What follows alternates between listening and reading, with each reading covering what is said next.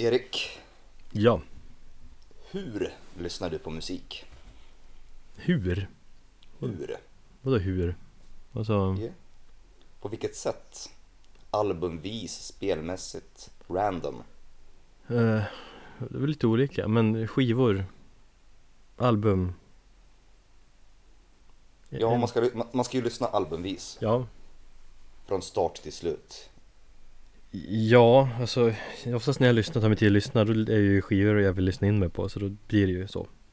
Och helst vill jag lyssna på vinylen så lyssnar man A-sidan och B-sidan. Mm, Det finns de som sätter på shuffle, Ja men det förstår jag inte. Nej.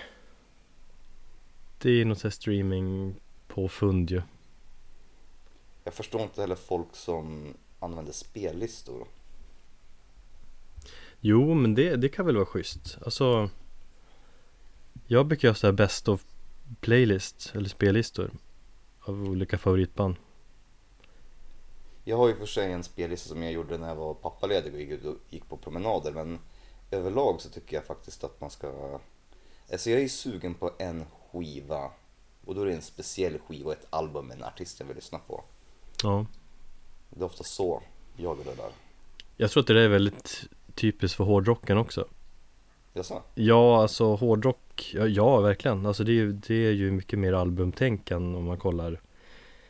Popmusiken, då är det ju, då är det ju singlar som säljs. Så du gör två, tre bra singlar och fyller ut det med Med, med, med lite annat strunt. Oftast. Ja men så är det väl, det är, med, med streaming också, så när det har slagit igenom så mycket så är det, det är ju låtar folk lyssnar på, det är inte album. Nej. I, för den stora massan liksom Men vi hårdrockare är ju så här nördar och Lyssnar på skivor Jag lyssnar på det som spelas på radion. Fy fan. Jaså? nej Nej men när folk Nej, svarar ja, så. nej det gillar man inte Nej det, det funkar inte. Det går bort Är du redo? Ja, Då kör vi. ja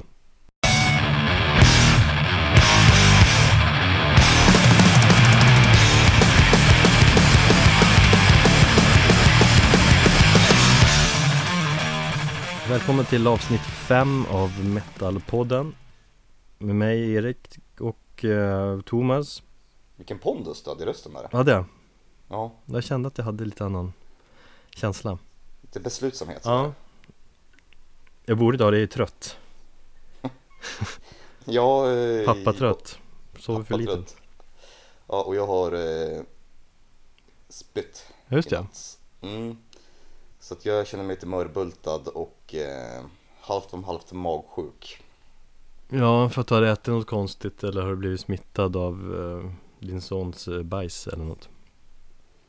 Eh, nej, jag har faktiskt hållit mig borta från hans bajs just nu. Jag har jobbat hela helgen så att eh, jag har knappt fått se min grabb. Men eh, nej, det är någonting jag har ätit helt enkelt. Och så, så vaknade jag vid halv ett på, på natten och så kände jag att det här är det någonting som är på väg att hända. Så det var bara iväg på muggen och köra Gustavsbergs buss. Måste jag fråga, är du sån som spyr eh, högljutt eller spyr du tyst? Eller lågt?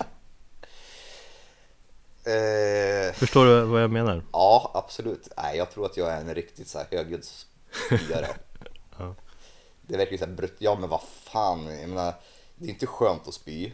Nej Ja, i och för sig, ibland kan det vara det. Men eh, och då ska man ju ta i, man ska ju rensa kroppen. Så då är det liksom lite passionerat. Då får du ju ta, och- ta i från, från tårna. Då ska ju lätarna också komma.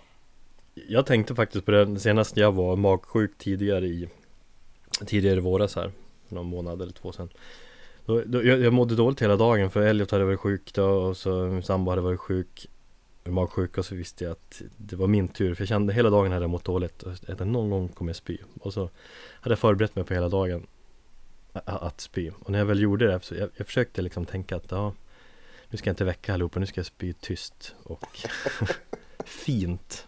Du vet såhär brä Så är det klart. Men då verkligen, du vet! När man spyr. Som en katt som, har du sett en katt som spyr? Spyr med hela, hela kroppen? På något vis. Jag hatar, jag hatar katter så jag håller mig borta från Ja, de spyr konstigt. Men, Ja. Så, fast de spyr inte så högljutt kanske. Men ja, nej men jag typ skrikspyr Jag har jättemånga spyhistorier som har präglat min ungdom men jag tycker att det kan vi spara till någon annan gång.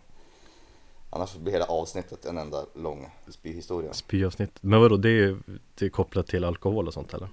Ja, till fester och sånt där. Jag, jag var ju känd på gymnasiet för att vara den här killen som spydde på festerna. Ja, det finns. Alltid, Finns alltid en den sån. Ja, och det var jag som var den första eh, som inte kunde hantera alkoholen. Så att, ja, och det var väl lång tid, det tog lång tid innan jag kunde lära mig att dricka ordentligt utan att spy. Så att under hela gymnasietiden så har jag både en och en annan rätt så rolig historia involverade spyor. Härligt. Fast man spyr annorlunda när man är full oftast. Alltså här magsjukespyan är ju mer brutal. Och alltså är du jättefull och vill spy då är det, då är det mer så här skön känsla. Mm, det är då det är skönt att spy. Mm. Jag kände en kille när jag bodde i Australien. Han eh, brukade kalla sina spyor för power spews. Eh, han brukade dricka öl, så drack han två, tre starköl jätte, jättesnabbt. Han hinkade i sig dem. Så blev han inte illamående. Stoppade han fingrarna i halsen, han spydde upp det och sen så körde han på. Och så festade han på nätterna. Ja, jag är alltid fascinerad kring de där som dricker alkohol och så mår de dåligt, spyr och sen fortsätter de. Men du kanske var en sån, eller är en sån? Nej, nu var det länge sedan jag spydde på grund av eh, alkohol. Jo, jag också. Det var skitlänge sedan. Ja, men nog med spyorna va? Ja, det tycker jag. Innan vi kör igång så tycker jag ändå att vi ska berätta att vi Eller att ni, våra lyssnare, ska spana in oss lite mer på internet Vi finns ju på internet Metalpodden.com är hemsidan Facebook. Facebook, samma sak, Metalpodden Finns på Twitter Och så finns vi på Instagram Och vi gör vårt bästa med att svara på alla frågor och svara på mail och sånt där. Ja, Så att eh, vad ni än vill säga så är det bara att eh, höra av er så bemöter vi er på något sätt. ja det är skitkul när ni ställer frågor och påpekar saker Definitivt. Vi var ju förresten avstängda en stund på Instagram Ryssen. Vi skyller på ryssen. Men det var väl att vi Eller jag- jag fick aldrig någon riktig förklaring varför de Varför de stängde kontot ett tag där. Men jag tror att det var att vi följde ganska många eh, Ganska många ett tag. Jag är ju, väl, ja, jag är ju en liten sucker för följare. Men, man, oh men man vill ju komma upp i liksom ett hyfsat antal följare innan man, man ger sig. Ja, det är sant. Vi vill att folk ska lyssna på oss. Ja. Men nu är vi tillbaka i alla fall. Det var, vad var det, fyra dagar vi var borta? Ja, tre kanske Okej. Mm. Ja, det var kul Det var det.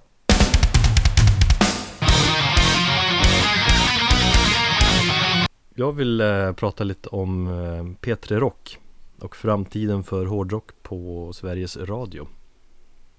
Okej. Intressant ämne va? Eh, ja, det är det. P3 Rock som alla känner till, eller några i alla fall, med programledaren eh, Håkan Persson.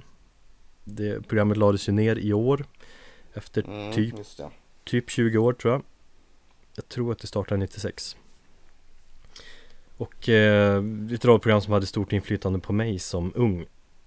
Väldigt stort inflytande. Jag håller Håkan Persson som en av de där viktigaste man, musiklärarna typ. Eller för, för min ut, musikutveckling. Han hjälpte mig att hitta massa ball musik i mina, unga- mina unga år. Jag har faktiskt aldrig lyssnat på den. Aldrig någonsin. Nej, det kommer nog tillbaka till det här att jag inte lyssnar på radio. Och nej, jag vet inte, när jag var yngre och hittade musik så var det, det var mer tidningar tror jag, men inte radio. Tidningar och kompisar. Jo men tidningar läste jag ju mycket också. Mm. alla de här Close-Up var väl lite för Jag vet inte, lite för obskyr på den tiden Ja, jag läste Close-Up väldigt tidigt. Jag tror jag var ja, 12 när jag började läsa den. Ja Jag minns att jag tyckte det var lite för Du var lite tuffare än vad jag Lite tuffare hårdrockare Men jag läste ju mycket eller hur? Jag läste Kerrang väldigt mycket Tror jag jag nämnt förut Ja, just det.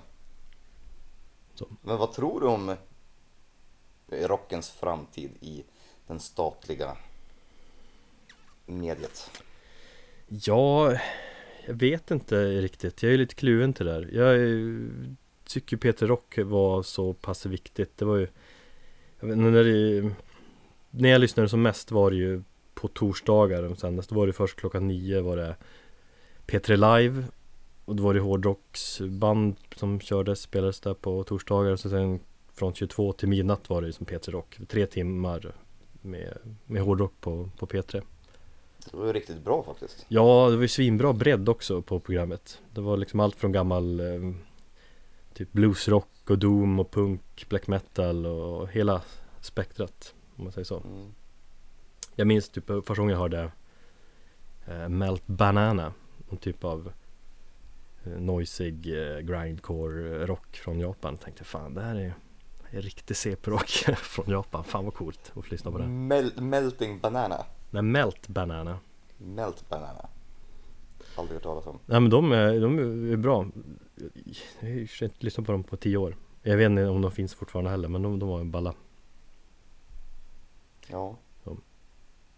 Jag, eh, det var väl i januari som eh, sista avsnittet sändes, eller var det i slutet av förra året? Nej det var ju typ januari. Ja. Och då har de ju er, gjort en ersättning för Peter Rock. Om man kollar på hemsidan så skriver de så här att eh, på måndagkvällar har du en rock metal punkmix i musikguiden i P3 22.03 till 23.00 22.03 till 23.00. Ja, så 57 minuter då. Okej. Och då kan man varje, eller var tredje vecka så är Håkan Persson tillbaka och gör mixar. Eh, Jag har faktiskt lyssnat på de senaste av de där punkmetal rockmixarna. Mm. Och det verkar vara tre stycken DJs då, om man säger. Håkan Persson är en. Eh, så finns någon snubbe som heter Pelle Moeld. Känner du till honom sedan tidigare? Nej. Och sen en tjej som heter Malin från Bad Blood Bitches. Nu vet jag inte, är det Är det ett band eller är det DJ-kollektiv eller något sånt? Det vet jag inte, men jag... Eh, när du säger det så, så brukar... Jag tror hon dyker upp i min eh, Facebook-feed som så här vän som du möjligtvis känner, känner till. Ja, se- Jag har alltid sett henne i mitt flöde. har ni men- gemensamma vänner? Ja, Ja. det har vi. Eh, kuriosa, jag sökte ju det jobbet. Mm. Eh, det blev inget av faktiskt över det. Jag antar att jag inte var tillräckligt radiokunnig. Men eh, för kompetensen var det ju inget fel på. Nej. Men eh, jag är ju inte den som gråter för det utan eh, ja, Du hoppas att de, de kanske hör av sig i framtiden när de får nys om hur duktig du är på metalpodden. ja precis. Det var lite kon- konkurrens där. Ja. Nej men jag tycker att det var ganska bra variation på de där tre personerna som kört mixar. Jag har lyssnat igenom en av varje. Men är det varje torsdag eller var det tredje torsdag? Varje måndag är det. Var det måndag? Men var tredje vecka är det Håkan Persson och de andra veckorna är det de här, den här Pelle och uh, Malin. Eh, Men det, det, det är rätt intressant att variera med olika personer också tror jag. Alla har ju sin vinkel på, på det hela. Jag tror att Mm. det är som om du och jag skulle köra olika Eller om du och jag skulle köra varannan vecka skulle vi köra ganska annorlunda mixar av musik. Ja, jag tänka mig. möjligt. möjligt. Eller så kör vi samma. Nej det tror jag inte. Men det är väldigt personligt så. Eh, Men det, det jag, om jag ska klaga då. Det är ju bara att de har från två timmar så är det nu bara en timme lagt åt rock i eh, veckan på Sveriges Radio eller på P3. Mm. Och jag, man kommer ju inte kunna göra samma sak som Håkan gjorde där med P3 Rock. Det var ju, han gjorde ju mycket djupdykningar och, och eh, intervjuer. Det var liksom allt från stora band, de här Metallica stora banden till små eh, punkband, lokala band liksom. Vilken kulturgärning. Ja, och han höll på liksom i 20 år. Jag tror att han körde typ hela racet helt själv också. Att han ja, förberedde allt och fixade intervjuerna och, och ja. Och just bredden på programmet var, var häftigt. Mm. Men det är synd, för liksom just det här med djupdykning. Jag jag anser att det är bara egentligen bara public service som kan göra den typen av program. Om man snackar reklamradio som, säger man reklamradio? Men du vet Bandit och Ja, eh, kommersiell radio. Ja, kommersiella rockklassiker. De är ju bara uppe på ytan egentligen av hårdrocken. Åh fy fan, rockklassiker. Usch. Det finns liksom ett oändligt djup under dem som de inte har kikat på. Jo, Eller rockklassiker har jag inte lyssnat på länge, men Bandit brukar jag köra på morgonen på, på när jag hänger på toaletten och duschar och sådär. Men jag fascineras, då är det typ 20 random låtar som de, de kör mellan. när jag tänker på Bandit så det enda jag får fram i min, eh, skalle det är eh, Volbeat. Nja, du kör ju någon Volbeat hit brukar de. Det känns som att de två sakerna är synonyma med varandra. Ja, de kör mycket amerikansk Typ, eh, vad heter Nicky Six eh, band som heter någonting med Six 6 AM. 6 AM Typ den typen av amerikansk eh, rock Det är liksom bandit-rocken Men sen kör de, de kör, Inget döds. Nej, ingen, inte så mycket döds, eller inget alls Men de, de kör Metallicas Unforgiven 2 väldigt ofta Av någon jättekonstig anledning Varför gör man det? Ja, jag vet inte. Ja. Från eh, Reload. I, är det med på, jo den är reload, ja Mm. Bra! Fan du kan din Metallica Jag kan lite grann min Metallica men eh, jag är fortfarande en lika stor expert som du är. Nej Nej men det, självklart är det ju tråkigt eh, att eh, hårdrocken har fått så lite plats i media och det känns jag blir alltid lite exalterad när jag ser mina favoritband figurera i eh, liksom stor media. Säg när det var den här stora artikeln om eh, Watain när de släppte, eh, vad var det för skiva? Det var, var sist, senaste skivan. Nu kommer jag inte på vad den heter bara för det. Men då var det ett stort uppslag i idén på kultursidan om Watain. Ja, men det, det är ju så lätt och kul att skriva om dem också med allt liksom hela imagen och ryktena om bandet Mm. Jo men ändå att, som att överhuvudtaget som musik och den typen av fulkultur får plats på finsidorna. Jag tycker alltid det är lite, jag blir extra glad. Jo, fast samtidigt blir man lite så här Inte arg men man blir lite så här, fan det är, fan är vår hårdrock Det är vår rebelliska musikgenre som vi vill ha för oss själva Men ändå inte I fallet med Watain så är jag inte rädd att någonting skulle få Erik att eh, ändra sig eller så. Bara för att han figurerar på, på en, i en fin tidning. ja, Man kanske börjar tjäna mer pengar och då blir man ju sugen Kanske Inte han Kanske. Nej, inte han. Men eh, och sen så minns jag att det fanns för ett tag sedan så hade, eh, jag tror SVT gjorde ett reportage om eh, Neurosis. Jaha, när var det då? Ja, 2011 kanske det var någonting. Jag vet att jag bara slog över på, på tvn och blev helt chockad över att se att de snackade med, eh, det var lite kort reportage om det var något kulturprogram eller någonting. Eh, Men de snackade med Scott Kelly och jag tror de snackade väldigt mycket om Through Silver in Blood skivan. Ja, alltså de hade ju, SVT hade ju musikbyrån förut, förr i tiden Ja. Då gjorde de ju lite djupdykningar och sånt där men annars Det finns väl typ inget program nu ja. SVT borde också satsa lite mer på eh, Kanske på hårdrock Jag tror ingen kommer satsa på hårdrock utan det kommer ta nya former som i form av podcast. Ja, jag antar att vi får liksom anpassa oss mer till internet och, och forum och podcast Och metalpodden, att det är där Ja, Men det nej, tv kommer dö ut. Känns det, känns det som. Mm. Men jag tycker ju sagt det är trist, om jag tänker in i mig själv hur liksom stor hjälp jag hade av Peter Rock när jag var ung Och så tänker jag på alla idag som kanske inte har det Det kräver ju mer jobb att leta liksom på På internet och följa poddar och så vidare Absolut. Men eh, å andra sidan så har man väldigt mycket hjälp av eh, Bandcamp. Jo, Där brukar jag sitta på kvällarna och bara bläddra och trycka på recommended artist och hitta musik på det sättet. Sen så finns det ju den här internetsajnen eh, eh, Cult Nation som jag läser väldigt mycket också och där får man väldigt bra tips och där kommer man verkligen ner på djupet till de här mest obskyra banden och de täcker det mesta som Mm. är som handlar om död.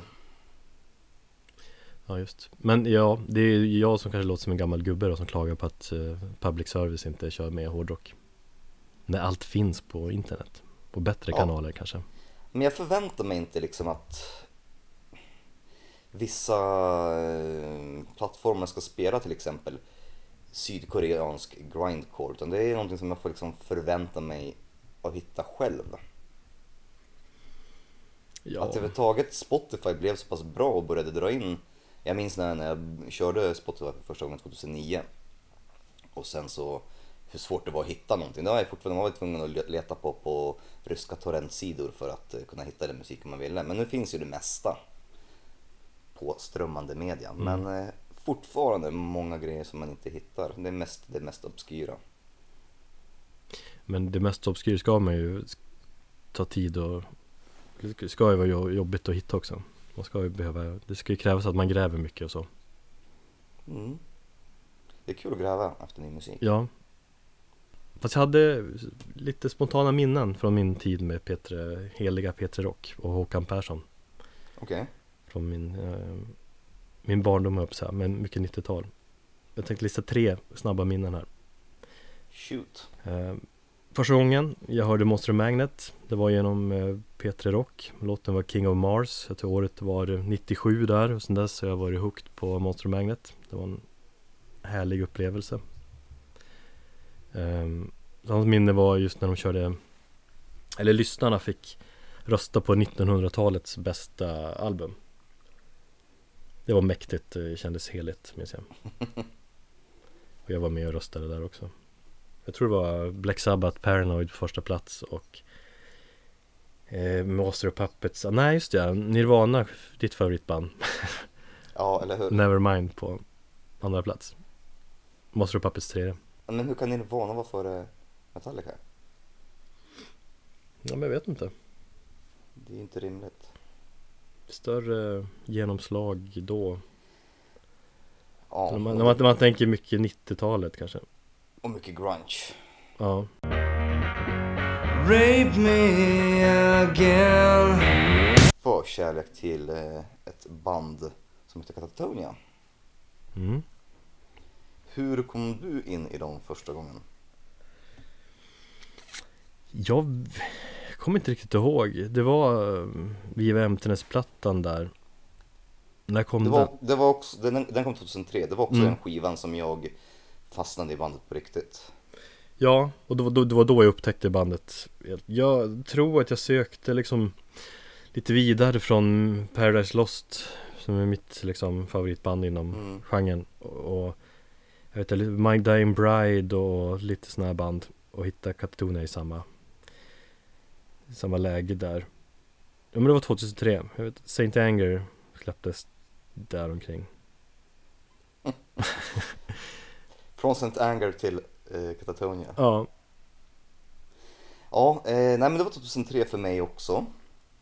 Ehm, jag, eh, ja, jag hade tagit studenten då. Eh, jag kände till bandet sedan tidigare men det var ingenting som jag riktigt hade fastnat för. Och så hade de släppt just Viva Emptiness, Emptiness och jag tror att de släppte den där väldigt tidigt på det året, i januari eller någonting. Och jag var väldigt hooked med, eh, eller hooked av den eh, dystopiska omslaget och den totalt liksom kalla känslan som den skivan än idag frambringar hos mig. Den känns så otroligt mörk och, och kall. Och jag älskar det. Produktion, allt från produktionen till, till liksom eh, omslaget och, och texterna till, till minsta lilla detalj. Samtidigt var väl den skivan Första skivan där de gick lite Kan man säga kommersiellare i riktning Alltså sångmässigt så Är det väl första skivan som han Bara sjunger på och har lagt ner allt growl sen tidigare Nej, det är Jonas eh, la ner Growl rätt så tidigt. Du har ju um, Discourage Ones. Från mm, nitt- slutet av 90-talet där. där eh, Det är skivan innan va? Eh, nej, det är två skivor innan. Fan Ja, Sen så, nej förlåt. Först kom Discourage Ones, sen kom Tonight's Decision. Sen kom Last Fair Deal Gone Down. 2001. Så hade de ju där i början av 90-talet hade de lite band som ett mer dödsdoom gothband. mm.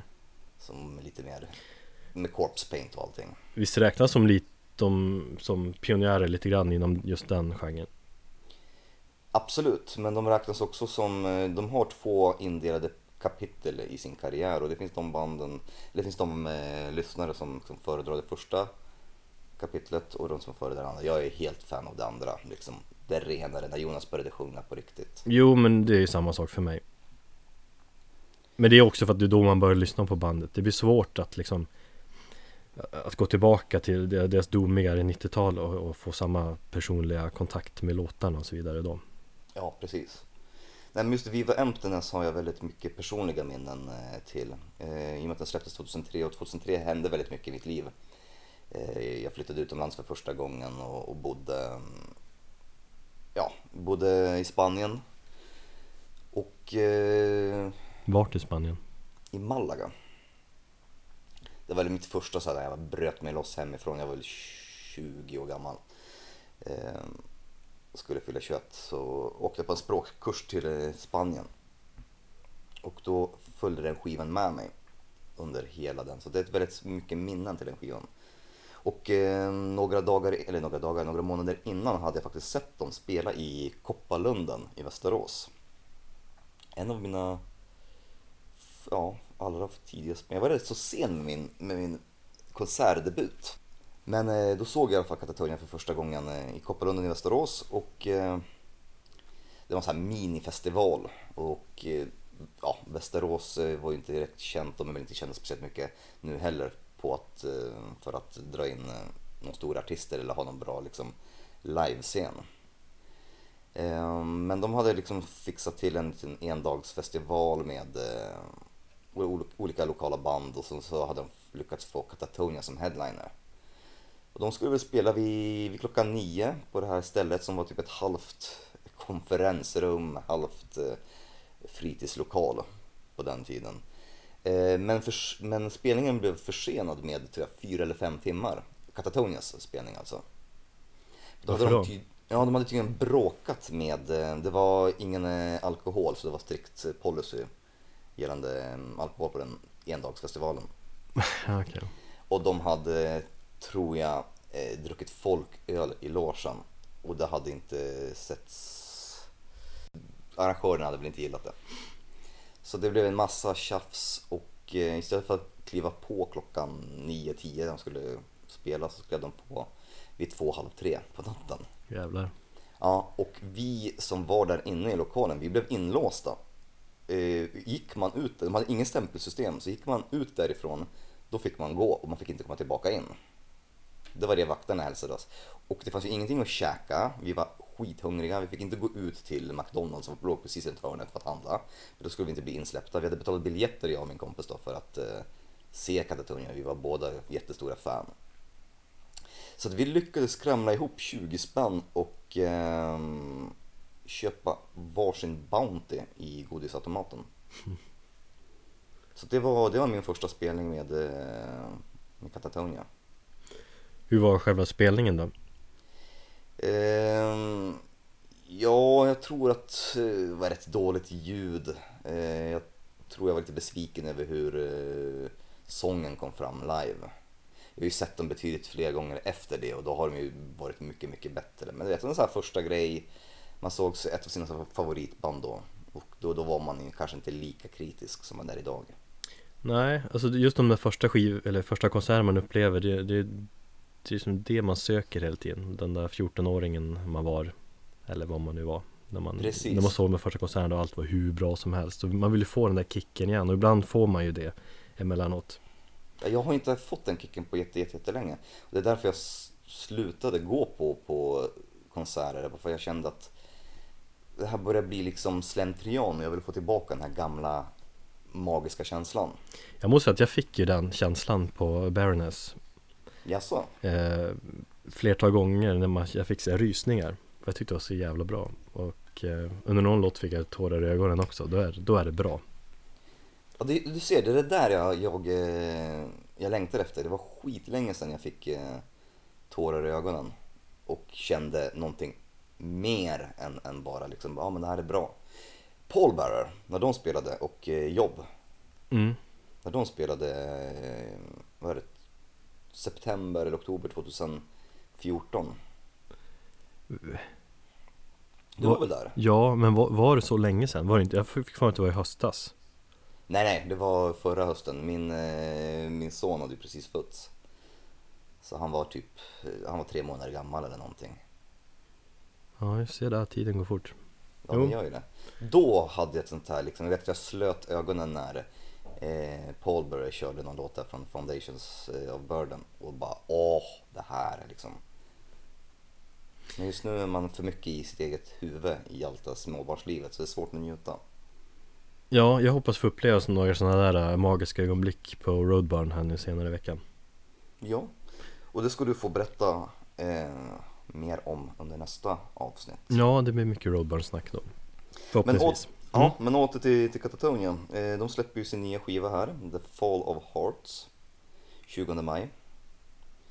Ehm, och jag har fått möjligheten att lyssna på det några gånger och eh, det jag älskar med Katatonia är att deras musik går inte, det går inte att avgöra om den är bra eller dålig eller någonting förrän man har lyssnat på den ordentligt. Det är så många olika lager i varje låt. Så att eh, även fast jag har hört eh, den här nya skivan tre gånger nu så känns det fortfarande så att jag inte har fått något grepp om den. Ja men alltså är inte det klassiskt för riktigt bra skivor ska ju Eller men jag hatar de som dömer en skiva efter första genomlyssningen Ja, absolut. Och säger att nej men den här var ju lite tråkig Och så sen kommer de tillbaka en vecka senare Nej den här var ju svinbra Alltså bra skivor ska ju Det ska kräva att man lyssnar igenom den många gånger för att upptäcka det här det här djupet Ja, en, en typisk sån skiva det är The Haunted's The Dead Eye. Jag tror jag lyssnade på den 15 gånger innan jag började fastna, eller innan jag började fatta vad det handlar om. Och sen älskar jag den. Ja jag älskar den också Men eh, det här är också en sån skiva. Eh, hur den, vad, vad den kommer hamna på för, för, för plats när året ska summeras det, det återstår att se. Men det jag får känslan av är eh, det finns några ord som, som faller verkligen trillar ner i skallen när jag lyssnar på skivan och det är att den är väldigt sofistikerad. Jag tror att bandet nu när de har haft så pass eh, lång karriär nu liksom verkligen har kommit till det här stadiet där de vet precis vad de vill göra. Och ja, det gjorde de långt innan också, men det känns som att den, den känns sofistikerad och väldigt vuxen skivan.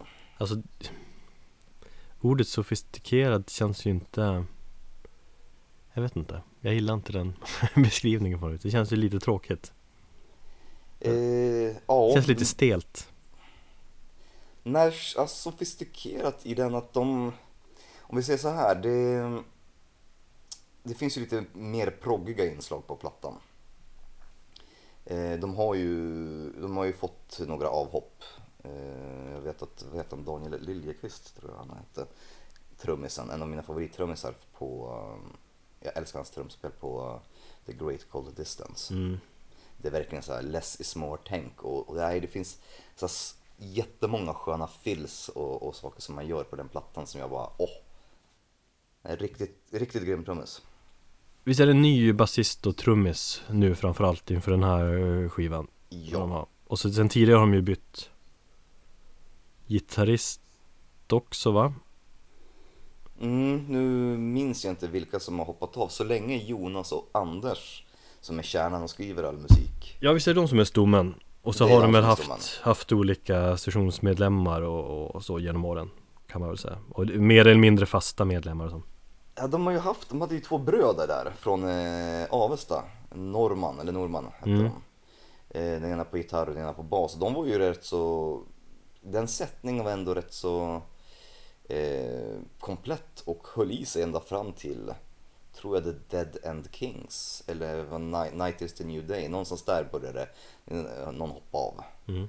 Så att nu är det ju lite ersättningar men det är ingenting som jag tänker på i musiken. Jag tyckte trummorna var också väldigt framträdande och den nya trummisen, nu, nu har jag inget namn på honom men eh, han verkar göra ett väldigt bra jobb han också. Ja, så länge det är liksom samma låtskrivare så som bygger så är det ju Kommer det vara samma känsla Sen om det är ett lite annorlunda, annorlunda trumspel eller så det Det gör ju bara att det blir lite Att det känns lite nyare och fräschare förhoppningsvis Ja, men du tror att det är en toppkandidat för årets bästa? Eller du, det är svårt att säga nu men Anar att det är Ja, eh, absolut. Alltså Catatonia har jag alltid eh, en förkärlek eh, till oavsett om de skulle göra en dålig. Jag tycker de, de har ju aldrig gjort någon dålig skiva. Det är väl kanske typ Night is the new day som jag tycker är den har många riktigt bra spår men den känns lite ljummen stundtals. Och det är väl den skivan kanske som jag inte eh, lyssnar sådär jättemycket på men eh, överlag så tycker jag de håller en väldigt bra mm, lägstanivå, eller väldigt hög lägstanivå. Så det skulle inte förvåna mig om den hamnar någonstans på topp 20, sen vart, det, det återstår att se. Mm. Vi- vilken favoritskiva har du med bandet? Ehm, det beror på lite grann. Det är ungefär som med Haunted där, att jag har lite svårt att välja mellan Revolver eller The Dead Eye. Och här är det mellan Viva Emptiness och eh, The Great Cold Distance. Det beror på lite grann vad jag känner för. Mm. Ja, jag tycker är Great Cold Distance Den har min favoritlåt med bandet och den är avslutande Journey Through Pressure. Ja, riktigt bra Men sen har du ju hits som My Twin och July Vad heter öppningsspåret? Leaders va? Leaders ja. Mm. Mm. Nej den är riktigt bra den skivan. Jag har lyssnat väldigt mycket på, på Katatonia nu de senaste veckorna. Framförallt är det så snygga låtar, det är så snygg produktion också Ja, Det imponeras jag av varje gång, hur snyggt det låter Och så hela tiden med det där Du vet, mäktiga, sorgsna filtret över allting Ja, och Jonas är ju jätteduktig på det. Jag älskar hans texter. Han är, han är väldigt bra på att ehm, förmedla en väldigt miserabel känsla med enkla ord. mm. För att han, han använder inte, och speciellt om man tänker på, på Viva Emptiness och The Great Cold Distance plattorna, så det är inte speciellt om man ska nu säga, det finns ju artister som ibland blir pretentiösa inom den här genren och ska slå på med liksom, vet, stora ord och det, låter, det ska låta som väldigt mycket poesi och högtravande. Medan han, eh, han håller det så pass simpelt och enkelt och med enkla medel så kan han liksom ehm, förmedla rätt känsla. Och jag har faktiskt ett exempel på det. Mm. Ehm, som jag sa så har ju som sagt Viva Emptiness en väldigt eh, personlig plats i mitt hjärta. Ehm, väldigt mycket kvinnor och brustna hjärtan till den skivan. Sånt är ju farligt Ja, Att förknippa musik och skivor med, med förhållanden och den biten ja, men jag har ett riktigt emo moment eh, och det är faktiskt från den tiden när jag eh, bodde i Malaga. Då hade jag träffat en, en tjej som, eh, ja det var, blev väl mitt, riktiga, mitt första riktiga förhållande. Vi träffades på en fest och ja, för att göra, inte dra ut på det alldeles för, för mycket så kom vi överens om att vi egentligen skulle bara vara tillsammans under vår vistelse i Malaga och sen så ja, skulle vi skiljas. Hon åker tillbaka till Malmö där hon bodde och jag åker tillbaka till Västerås. Och så låter vi det här vara en fem veckors romans. Hon hade faktiskt pojkvän i, i Malmö också. Oj. Men eh, ja, vi blev eh, kära och ja, som saker eh, tenderar att bli så blir det väldigt komplicerat. Och det går ju inte bara att säga att man ska vara tillsammans i fem veckor och sen skiljas åt. Ehm, så det, fin- det finns ett speciellt minne när jag var vi var och handlade i Spanien så har vi ju, eller så finns det ju, de har ju siesta så butiken är öppna rätt så sent på kvällarna. Och vi var och, eh, i en bokhandel och eh, ja, klockan var nio på kvällen, det var sommarregn, vi stod i en gränd som var så här upplyst, det var väldigt, ja, väldigt emo. Eh, och hon hade köpt en bok som hon skrattade åt. Eh, och sen så hade vi gått via den här gränden, hade vi gått sen hem och sen skilts åt. Hon hade gått hem till sig och jag hade gått hem till mig. Och då satte jag på eh, en låt med Catatonia och det var Burn the Remembrance. Spår nummer 6 från Viva Emptiness. Och där finns det en textrad som var så otroligt träffande för den, eh, för den situationen. Och det här är det som jag menar med Catatonia. att jag tycker att det är så jäkla... ehm, ja, med enkla ord så kan de liksom beskriva, i det här fallet min eh, situation. Eh, och textraden den går faktiskt så här. I remember one time when we were abroad I was laughing at a book I had bought But you were standing against the hotel wall Frozen in an unknown thought Oj, och det, ja, och det där, när jag kom hem satte på den här jag vet inte varför jag satte på den här låten, jag hade ingen aning, det var kanske någonting undermedvetet, men jag satte på den här låten efter det här och sen så bara transporterades jag 15 minuter tidigare till när vi står i den här gränden, hon står och skrattar åt den här boken och jag står bara frusen i en tanke och känner bara att ja, om några veckor så kommer det här upphöra. eh, fint. Ja, det var lite fint. Och lite mörkt. Och skrämmande sådär när musik är, och musikradio kan vara så matchande i, i verkligheten Nej, det var bara att ge upp allting. Jag bröt ihop där på, när jag hörde den låten. Och sen så var det bara, ja, böla. Är det jobbigt att lyssna på den låten idag? Eh, nej, det är det inte. Det var, det var jobbigt. Hela den skivan var ju väldigt jobbig att lyssna på under väldigt, väldigt många år. Nu kan jag faktiskt lyssna på, på den och känna någon form av ja, men nostalgisk glädje. När man är 20 och man, då tror man ju att hela världen ligger på ens fötter och eh, ja, ett förhållande som spricker det är ju det värsta som kan hända i hela världen. Liksom. Så känner man kanske inte riktigt idag. Men eh, så det, det gjorde ont att lyssna på den skivan då. Men eh, nej, idag är det inga problem alls. Nej men det är bra Men det är kanske för att jag har blivit äldre och eh, betydligt, eller betydligt mindre känslig i mina känslor, så att säga. Äldre och visare Äldre och visare, ja, och så börjar de koppla bort omvärlden. Men eh, ja, det för, det för i alla fall eh, avslutningsvis eh, mig till en liten lista som jag har gjort med de mest sorgsna Katatonia-låtarna. En, vi flika in en fråga där Ja, Hur bra blev du på spanska under dina veckor där i Eller din tid där i Spanien? jag pratade flytande.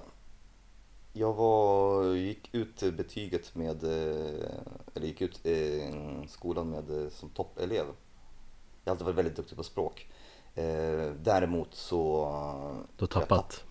väldigt mycket. Jag gick några språkkurser sen här och läste på universitetet i, i Västerås, eller ja, i Sverige. Men nej, sen så tappade jag det helt. Så att idag kan jag säga Una cerveza por favor. Dos cervezas por favor Ja, Jag var på, Gran, jag var på Gran Canaria i, tidigare här Och så åkte vi taxi och så var det sjukt mycket trafik Och så sa jag åt taxichauffören Mucho trafico Och han gick igång på det som fasing och babblade vidare Då hängde jag inte med Men det, det är sådana där enkla ord man kan Ja, men ungefär det här. Det är så tragiskt att man gått från, från att tala flytande till att eh, totalt glömma det. Ja det är trist Men min lista här då. mm.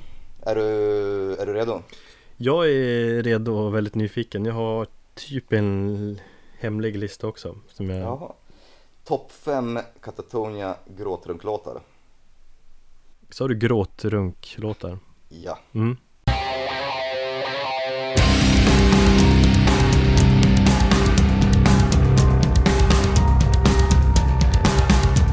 Ehm, nummer ett. Nu tar jag det här i kronologisk Nej, ordning. börja från femman Okej, från femman. Annars är det ju tråkigt, annars blir det ju sämre Det ska bli bättre och bättre Okej, eh, ja, men då tar vi eh, nummer fem då. Deadhouse från eh, Discourage Ones. Där har vi ännu en gång eh, det här med att eh, den är så pass effektiv i all sin enkelhet. mm. Eh, Jonas Rengses texter. Och sen så låter det så simpel. Nummer två. Nej. I am not, eh, nej. förlåt, fyra blir det då. I am nothing. Från eh, Tonight's Decision, spår nummer två där. Nej, ingen aning vad det är för låt Nej, det är en skiva som jag har jättesvårt för faktiskt. Ehm, för att den är, den är väldigt mörk. Och det är egentligen de första två spåren med, med, eh, på den skivan som jag gillar. Sen de andra har jag väldigt svårt. Den är, känns väldigt obehaglig den skivan. Lyssna på den. mm. Ja, jo jag har hört den men jag, det var så länge sedan så jag har inget Ingen koll Nummer tre har jag faktiskt en delad plats här. Jag har två. Får man ha så? Ja, allt är tillåtet när man gör listor Förutom att börja på första plats Ja, okej. Ja, det är ju ett nybörjarmisstag från min sida. Eh, Tear Gas och Tonight's Music. Båda från eh, Last Fair Deal Gone Down-skivorna. Och just Tear Gas har ett sånt otroligt sväng. Och jag älskar eh, trummorna i den, eh, i den, i- på den låten faktiskt. Och Tonight's Music är bara allmänt jävligt deppig. Speciellt om du eh, läser texterna. mm. Eh, nummer två. A Premonition från Viva Emptiness. Ja, Där, där har vi ju, tillbaka till det här riktiga misäriga, det här bara mörka och han, han låter, Jonas låter så otroligt sorgsen i sin, eh, i sin röst. ja den är fin Den är riktigt, riktigt fin. Eh, och nummer ett som vi varit inne på, Journey through pressure. Sista spåret som avslutar eh, A Great Cold Distance. Där har vi det igen, enkelhet. Being alive, all I have been, sjunger han. Jag bara tycker det är så, det är så snyggt. Det är verkligen någon som sjunger om, ja, nu har jag gett upp liksom. Mm. Vackert. Ja, det var en fin lista. Vad har du för någonting då? Nej, alltså jag har bara lite låtar sånt där. Jag, nej, jag vill inte nämna sådär, men jag jag är väl mer inne på äldre, eller sen, nyare Katatonia-plattor blir det ju. Mm. Men jag känner att jag behöver gå tillbaka till de gamla plattorna och lyssna. Du får ha en sån här Katatonia-dag. Du får... Imorgon när du är ensam. Nej, imorgon måste jag börja, eller gå med, gå in i Roadburn grejen lite mer.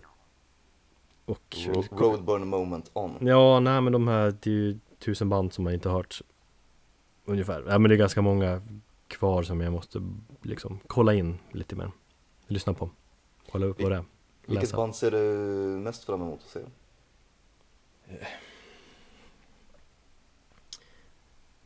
Uff, Svårt Ja, ja Jag ser mest fram emot att se det bandet som jag inte känner till så bra tidigare som blir ett nytt favoritband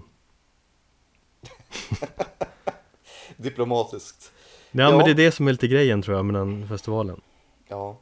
ja, du får helt enkelt redogöra för dina Ja, för, din, för själva festivalen när du är tillbaka sen nästa vecka. Ja, ja men alltså visst, Culture Luna och New Roses och Paradise Lost kör ju speciella spelningar och sånt där. Men de, de kan jag ändå liksom, jag vet vad jag kommer få där utan jag vill ju Jag såg, förra gången jag var där för två år sedan såg jag ju Windhand live för första gången. Ja, Det var ju så dramatiskt sjukt bra. Det var, Jag hade, jag var liksom Fick inspiration från den spelningen i halvår efter kändes det som fan alltså. Ja, jag kan ju inte säga att jag inte är avis. Nej men du får hänga med nästa år Ja, jag har ju tanken om att göra, ta en liten familjesemester dit. Ta in på hotell och ta med mig grabben och eh, sambo. Det tycker inte jag Nej, men hon vill ju också gå så jag kan inte bara sticka själv. Ja men ni får lämna eh, ungen hemma då Det blir ju en del öl också och så Så jag, jag, har med sig ett barn Ja Tveksamt Kåpor, så är allting klart. Men du, då får du ha du så, så jättebra på, på Roadburn. Mm, det Ska ni skänka med, med en tanke som kommer behöva jobba och flytta? Ja, jag lär ju göra så att det lär bli mycket Instagram-bilder Så ni som inte Om det är någon som följer mig och tycker det är jobbigt när jag lägger upp många bilder Under en och samma dag kan ni ju börja avfölja redan nu Ja, ni har blivit varnade. mm. Du Erik, ha det bra. Ha det bra Thomas Vi hörs. Hej då. Hej då